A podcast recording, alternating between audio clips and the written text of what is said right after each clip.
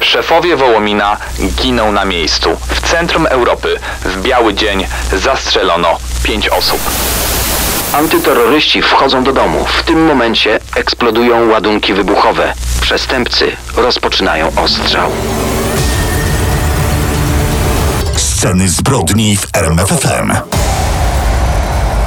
Nie wiem, kiedy słuchacie tego podcastu, ale wiem, kiedy my go nagrywamy. Jest e, wieczór, za naszymi oknami Rój Perseid, czyli spadające gwiazdy spełniają życzenia. Już tu nasi uważni słuchacze krzyczą na ciebie, że to nie są żadne gwiazdy, tylko to są jakieś fragmenty skał różnych z odpadki, tak, tak? które tutaj przechodząc Nie przez atmosferę życzeń? parują. No akurat może życzenia spełniają. Ja bym jedno w takim razie miał, żebyście tego podcastu posłuchali do końca. A jest naprawdę czego posłuchać, bo dzisiaj najgłośniejsze wydarzenia w dziejach polskiej mafii. Daniel Dyk i Kamil Barnowski prezentują Sceny zbrodni w RMFFM. No i dzisiaj rzeczywiście najmroczniejsze wydarzenia w historii polskiej mafii, a przy okazji te także najgłośniejsze, najbardziej medialne. I trzeba przyznać, że taki hollywoodzki, doinwestowany serial o polskiej mafii byłby równie dobry jak Narcos. O, myślę, że byłby nawet dużo lepszy. Przecież Polska lat 90. to jest miejsce, w którym absolutnie wszystko było możliwe. Gigantyczna fortuna z dnia na dzień, szybkie samochody, wszystko co najlepsze. Oczywiście, gdy należałeś do odpowiedniej organizacji, mogłeś na to liczyć. I właśnie dzisiaj w opowieściach mafijnych opowiemy o zdarzeniach, no, które musiałyby się absolutnie w takim serialu znaleźć. A tak, e, strzelanina w Magdalence, czyli czarna noc w historii polskiej policji, zamach na polskiego króla spirytusu. Po prostu dzisiejszy odcinek zdecydowanie będzie pod znakiem karabinów maszynowych i ładunków wybuchowych. Nie tylko, bo wspomniałem o serialu Narcos i dla fanów tej produkcji też mamy coś ciekawego, ale rozpoczniemy od pewnej spokojnej restauracji z pierogami na warszawskiej Woli, która była świadkiem krwawego zamachu na dwóch bossów Wołomina. Masakra w restauracji Gama. Posłuchajmy, jedna z najgłośniejszych egzekucji w historii polskiej mafii. Dokładnie, 31 marca 99 roku, Warszawa, ulica Wolska 38. Słoneczny, wiosenny dzień, pogoda aż za dobra jak na tak wczesną wiosnę. Restaurację Gama, słynącą z pierogów, od rana odwiedzają ludzie związani z Wołominem. W lokalu przebywają m.in. Marian Pseudonim Klepak, wel Maniek i Ludwik A., pseudonim Lutek, czyli szefowie Wołomina. Trzeba powiedzieć, że oni uznawali restaurację Gama wręcz e, jako coś w stylu swojego biura, rezydencji. Bardzo dobra lokalizacja, budynek e, niespecjalnie rzucał się w oczy, do tego coś dobrego dla żołądka. No idealne miejsce do uzgadniania szemranych interesów. I to uzgadnianie kolejnych spraw przeplatane z jedzeniem pierogów trwało mniej więcej do godziny 13. Wtedy do restauracji weszło trzech zamaskowanych mężczyzn, uzbrojonych od stóp do głów. Jak gdyby nigdy nic, weszli do sali, w której siedzieli mafiozi i natychmiast otworzyli ogień. Strzelali z karabinów maszynowych, z broni myśliwskiej, także ze zwykłych pistoletów. To była prawdziwa egzekucja, grad kul. Szefowie Wołomina, Lutek i Maniek zginęli na miejscu. Zastrzelono również ich trzech ochroniarzy. W centrum Europy, wyobraźcie sobie, w biały dzień, w publicznym miejscu zastrzelono pięć osób. Jakimś cudem nikt więcej nie ucierpiał, mimo tego, że zabójcy oddali kilka serii z broni, a pociski no po prostu wylatywały przez okno lokalu, nie trafiły żadnego przechodnia. Pracownicy restauracji też wyszli z tego cało. Okoliczne samochody zyskały tylko sporo dziur po pociskach. Po wykonanej robocie płatni mordercy odjechali srebrnym polonezem. Samochód kilka godzin później namierzyła policja, porzucono go w lesie w okolicach Falenicy. No tyle tylko, że był doszczętnie spalony. Nie dało się wydobyć z niego żadnych śladów, które mogłyby później pomóc w śledztwie. ale szybko ustalono, kto jest właścicielem tego samochodu. To student szkoły aktorskiej. No, na pierwszy rzut oka nie wygląda na kogoś, kto specjalizuje się w mafijnych egzekucjach. Raczej nie. Dodatkowo jakiś czas wcześniej ten samochód mu został po prostu skradziony. Było jasne, że to nie on stoi za masakrą w restauracji Gama. Rozpoczęto więc śledztwo, ale do niego za chwilę wrócimy. Ale wspomniałeś o tym, że Maniek i Lutek rządzili Wołominem. Powszechnie uważa się przecież, że to Henryk N., pseudonim dziad, to on rozdawał tam karty. W naszym cyklu zresztą sami takim skrótem się posługiwaliśmy, że to dziad był jednym z szefów. Ale to jest, y, uściślając, jedna z popularnych po prostu legend wokół dziada, który zasłynął swoimi spektakularnymi działaniami. Rzeczywistość wyglądała jednak inaczej. Y, W głównej mierze to właśnie Marian K. Klepak dowodził w grupie. Zresztą on też należał do Starej Gwardii Wołomina. Skończył szkołę zawodową o specjalności tokarz, a jako gangster wyróżniał się i inteligencją, który jest w tym fachu bardzo potrzebny, i sprytem, i niestety bezwzględnością. Oprócz tego standardowego w tamtych czasach przemytu papierosów i spirytusu, specjalizował się też w porwaniach dla okupu. Ale wracając do rzezi wykonanej na szefach Wołomina, kim byli mordercy? Kto wydał wyrok? O tym już za chwilę w opowieściach mafijnych.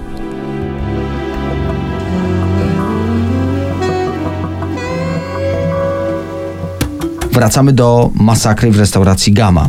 Co już wiemy? Trzech zamaskowanych mężczyzn w biały dzień w publicznym miejscu zamordowało pięć osób z gangu wołomińskiego, w tym dwóch jego szefów. Policjanci zdecydowali o dwóch kierunkach śledztwa. Pierwszy, egzekucja jest wynikiem wewnętrznej walki o wpływy w mafii wołomińskiej. Drugi, taki personalno-biznesowy, porachunki między Mańkiem i Ludkiem, a kimś z zewnątrz. No, jak to często w życiu bywa, prawda leży po środku, albo łączy wręcz dwie różne wersje. No tak, najprawdopodobniej strzelanina w gamie była finałem konfliktu między Marianem K., pseudonim Maniek, a Karolem S., pseudonim Karol. Panowie ściśle ze sobą współpracowali, no nawet więcej. Karol był swego czasu żołnierzem Mańka, jednak w pewnym momencie gangsterzy mocno się pokłócili. I tutaj do końca nic nie wiadomo, więc będziemy trzymać się różnych wersji. Według jednej z nich, y, tak jak już wspominaliśmy, szef Wołomina specjalizował się w porwaniach dla okupu. Porywał nawet członków rodzin swoich znajomych. No po prostu nie miał żadnych skrupułów.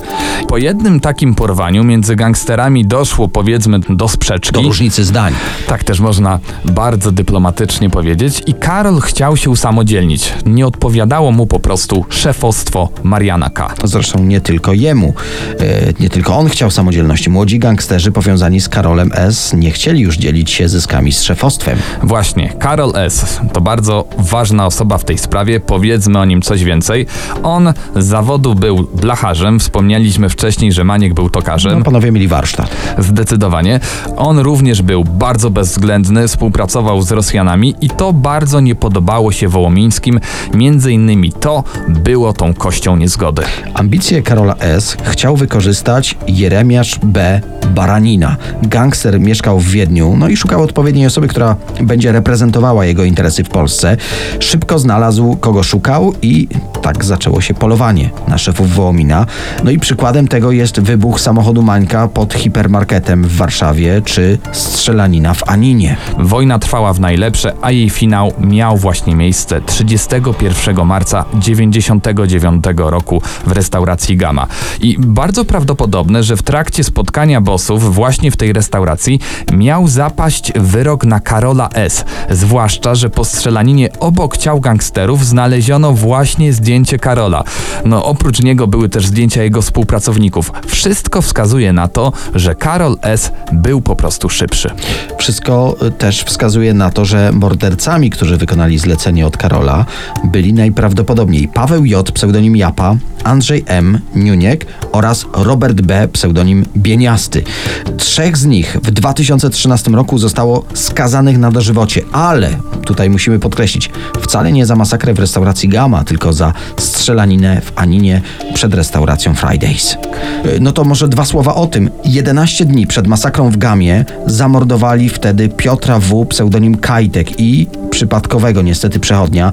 To była zemsta Karola na Kajtku za to, że ten współpracuje z szefostwem Wołomina. Wróćmy jeszcze do gamy. Jak zaznaczyliśmy, według śledczych to Karol koordynował całą akcję, ale mimo tego, że wszystkie drogi w tej sprawie bardzo klarownie prowadzą do niego, zabrakło wystarczających dowodów. Zabrakło, aby postawić go w tej sprawie przed sądem. Prawdopodobnie będzie już to niemożliwe. Ludzie, którzy wiedzieli o tej sprawie najwięcej już nie żyją, no a sami oskarżeni zawarli pakt milczenia. Ale cały czas mówimy tutaj o Karolu S. i o ludziach związanych z nim, ale w tej sprawie były też inne hipotezy, przynajmniej na początku. Na przykład podejrzenie padło na Pawła M., pseudonim Małolat, który był tego dnia w restauracji Gama.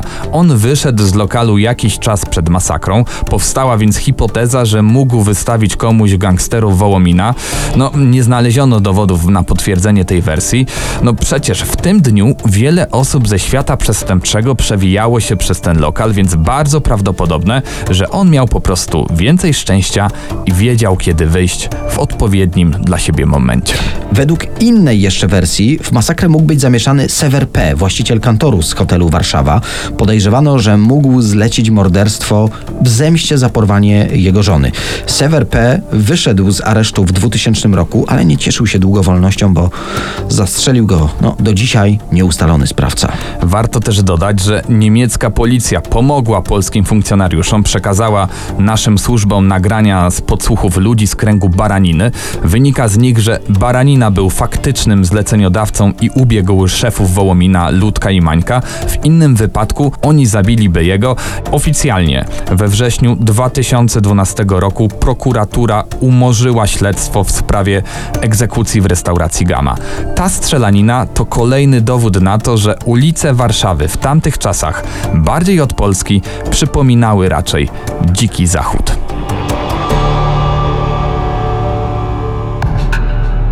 Czas na historię, w której jest wszystko. Gigantyczny przemyt narkotyków, zjednoczone siły policji z całej Europy i dwie współpracujące ze sobą mafie. ale od początku, jak zawsze, w opowieściach mafijnych. Kolumbijski kartel Skali umieścił na takim statku z materiałami budowlanymi kilkadziesiąt beczek z lepikiem budowlanym i innymi materiałami przemysłowymi. Transport miał trafić do portu w Gdyni, a tam beczki mieli odebrać ludzie związani z mafią Tak, dobrze słyszycie. Słynny kartel Skali, znany z serialu Narcos, robił interesy z Pruszkowym.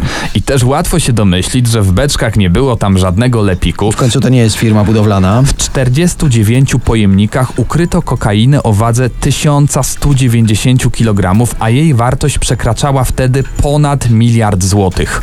Plan wydawał się perfekcyjny, czyli polski kontenerowiec Jurata wypływa z portu w Wenezueli 20 listopada 93 roku, płynie sobie bez żadnych problemów od portu do portu, no morskie opowieści. Ale ta morska sielanka kończy się 24 stycznia 94 roku, gdy okręt pojawił się w porcie pod Liverpoolem. Brytyjskim celnikom no, coś od początku nie pasowało. Tak, ktoś zamawia z drugiego końca świata lepik asfaltowy i te inne materiały budowlane, które można kupić praktycznie wszędzie. Szybko obliczyli, że koszt transportu przekracza wartość towaru na statku. Dodatkowo, i to już rozwiało wszelkie wątpliwości, celnicy znaleźli pod warstwą lepiku ukryte narkotyki. Brytyjskie służby natychmiast skontaktowały się z polską policją, przecież adres końcowy to port w Gdyni. Narkotyki zarekwirowano, zamiast nich do beczek włożono prawdziwe materiały budowlane, cegły. Waga się zgadzała. Tak, nieświadoma załoga, podmieniony towar, płynęły dalej. Policja nadała tej akcji kryptonim Ayala. I tak naprawdę musimy zaznaczyć, że narkotyki należały cały czas do kolumbijskiego kartelu. Pruszków miał tylko ochraniać ten transport.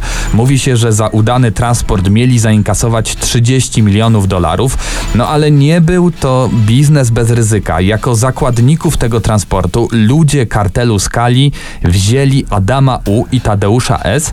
Oni mieli być swego rodzaju polisą ubezpieczeniową. Jak się domyślacie, jeśli coś poszłoby nie tak, czekał ich pewny wyrok śmierci. 3 lutego 94 roku transport dotarł wreszcie do Gdyni. Port był wtedy pod obserwacją Urzędu Ochrony Państwa.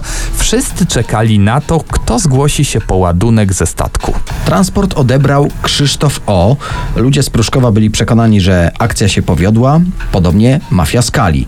Zakładnicy w Kolumbii zostali zwolnieni, pieniądze za ochronę transportu były prawdopodobnie już w drodze. Wracając do Krzysztofa O., który zgłosił się po beczki. Jak sam później powiedział, o żadnych narkotykach nie miał żadnego pojęcia. Tutaj zacytuję. Znajomy polecił mi firmę w Wenezueli sprzedającą materiały budowlane. Nie sądziłem, że to tak się skończy. Czułem się zagrożony, boję się o życie swoje i o życie swojej rodziny. Codziennie otrzymuję telefoniczne pogróżki. Właściciel firmy budowlanej, bojąc się o swoje życie, zgłosił się po ochronę na policję. Jednak późniejsze śledztwo wykazało, że To na pewno nie jest aż taki święty. Firma Krzysztofa O. została założona na krótko przed przemytem. Była to tak zwana e, firma Krzak, stworzona na potrzeby tej akcji. Gdy mm, zorientował się właściciel tej firmy, że transport e, poszedł nie tak, prawdopodobnie przestraszył się zemsty kartelu z Kolumbii, zemsty ludzi z Pruszkowa też, którzy przecież szukali winnych. Zgłosił się więc po ochronę na policję i jak wskazuje analiza balistyczna, nawet postrzelił się osobiście w nogę, żeby być bardziej wiarygodny. No kto oglądał serial Narcos, ten wie, że jego obawy no nie były wystane z palca. Kartel Skali wysłał nawet do Polski swoich ludzi, oni mieli wyrównać rachunki z odpowiedzialnymi za transport. Poszukiwania trwałyby pewnie dłużej, gdyby nie komunikat policji z Polski i z Wielkiej Brytanii, to był komunikat z kwietnia 94 roku, że przechwycili ponad tonę narkotyków ukrytych na statku Jurata. Po latach okazało się, że mózgiem całej operacji był Leszek D. Wańka. Miał na tym nieudanym, jak się okazało, przemycie stracić milion dolarów. Śledztwo wlokło się przez wiele lat, bo polska prokuratura czekała na materiały dowodowe z Wenezueli. Finalnie sąd w Warszawie skazał w 2004 roku Wańkę i Krzysztofa O.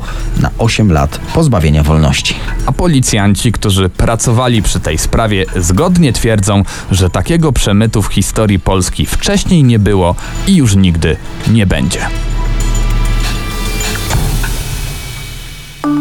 Opowieści mafijne trwają, więc opowiadamy o najgłośniejszych wydarzeniach w dziejach polskiej mafii. No i musimy powiedzieć o strzelaninie w Magdalence. Właśnie, Magdalenka to taka niewielka podwarszawska miejscowość. W latach 70. powstały tu dacze władz PRL-u.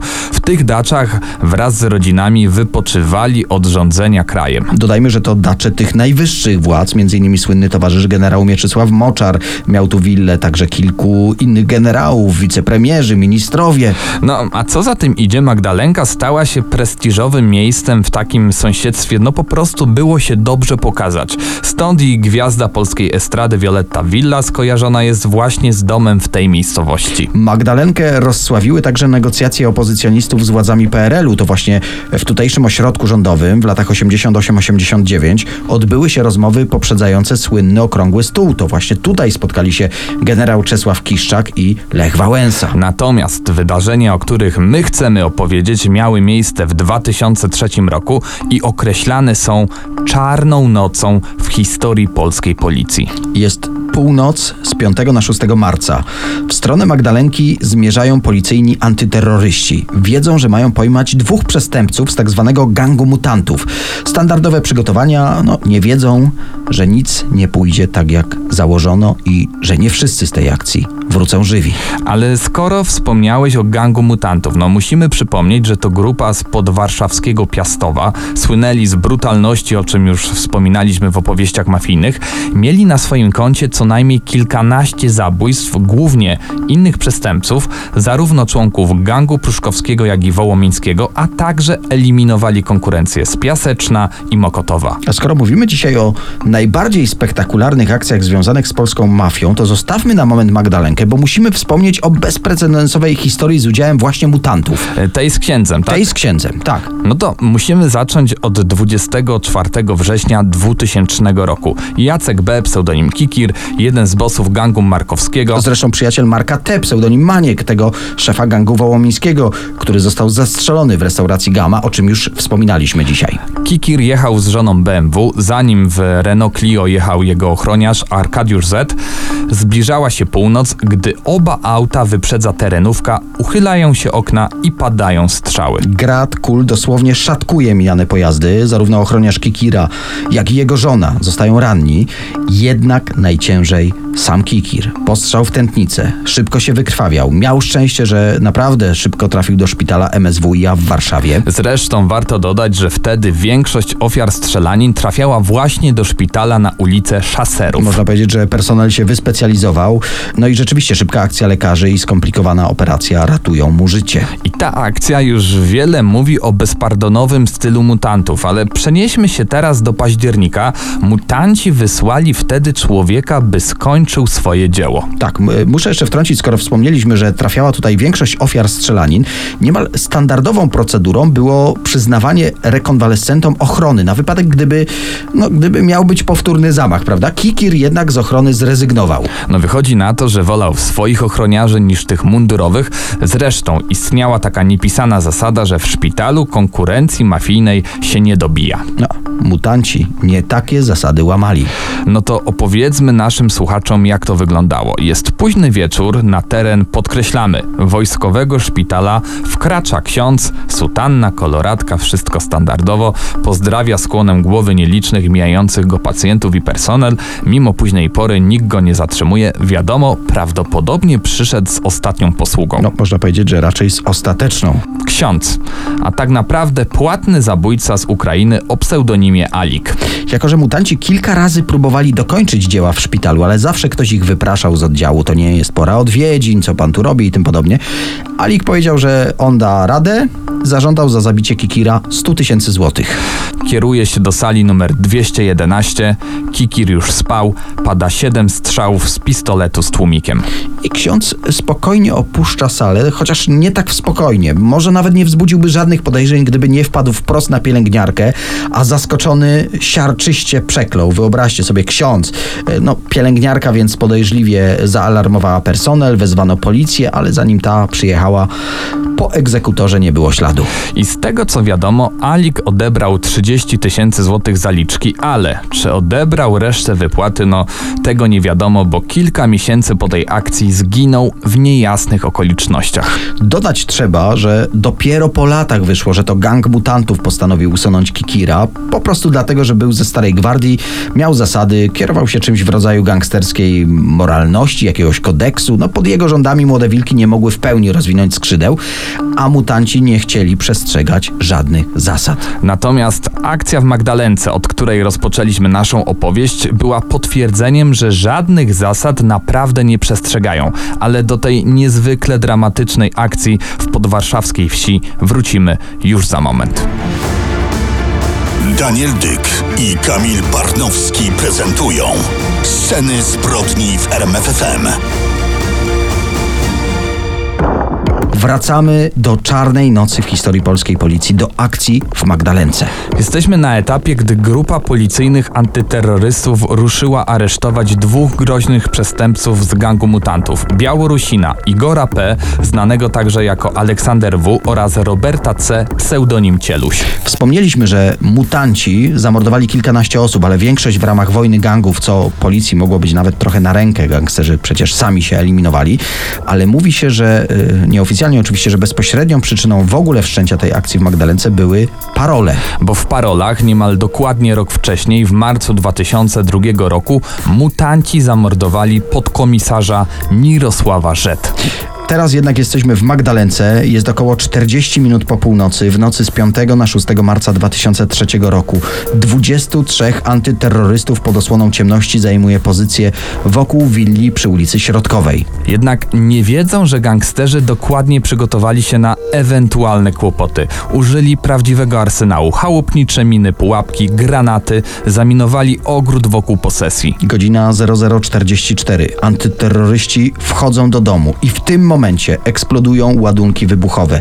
Ginie na miejscu podkomisarz Dariusz M. Wtedy przestępcy rozpoczynają ostrzał. Zawodowi mordercy kontra zaskoczeni i ogłuszeni eksplozjami policjanci. Przestępcy zgromadzili prawdziwy arsenał. Różnego rodzaju pistolety maszynowe, w tym m.in. szybkostrzelne Uzi, do tego pistolety samopowtarzalne, karabinki automatyczne. W sumie 29 sztuk broni. Wymieniają się tylko magazynki, przechodzą od okna do okna. Choć policjanci są przekonani, że musieli co najmniej ranić gangsterów, przecież też strzelają, prawda jest zupełnie inna. Nie dosięgła ich ani jedna policyjna kula. W wyniku ostrzału i detonacji ładunków, budynek, w którym się bronią, staje w płomieniach i częściowo się zawalił. Gangsterzy Igor P. i Robert C. Cieluś zmarli wskutek zatrucia czadem. Natomiast jakie są straty po stronie policji? Z 23 antyterrorystów terrorystów, tylko czterech wychodzi z tej akcji bez uszczerbku. Zdecydowana większość jest niezdolna do walki. Mówiliśmy, jeden zginął w wyniku detonacji ładunku, kolejnych 17 odnosi rany w wyniku ostrzału, a dowodzący akcją komisarz Marian S. umiera w szpitalu. Po Magdalence y, no, nic w policji nie jest już takie samo. Y, Kilku antyterrorystów pod wpływem szoku odchodzi ze służby.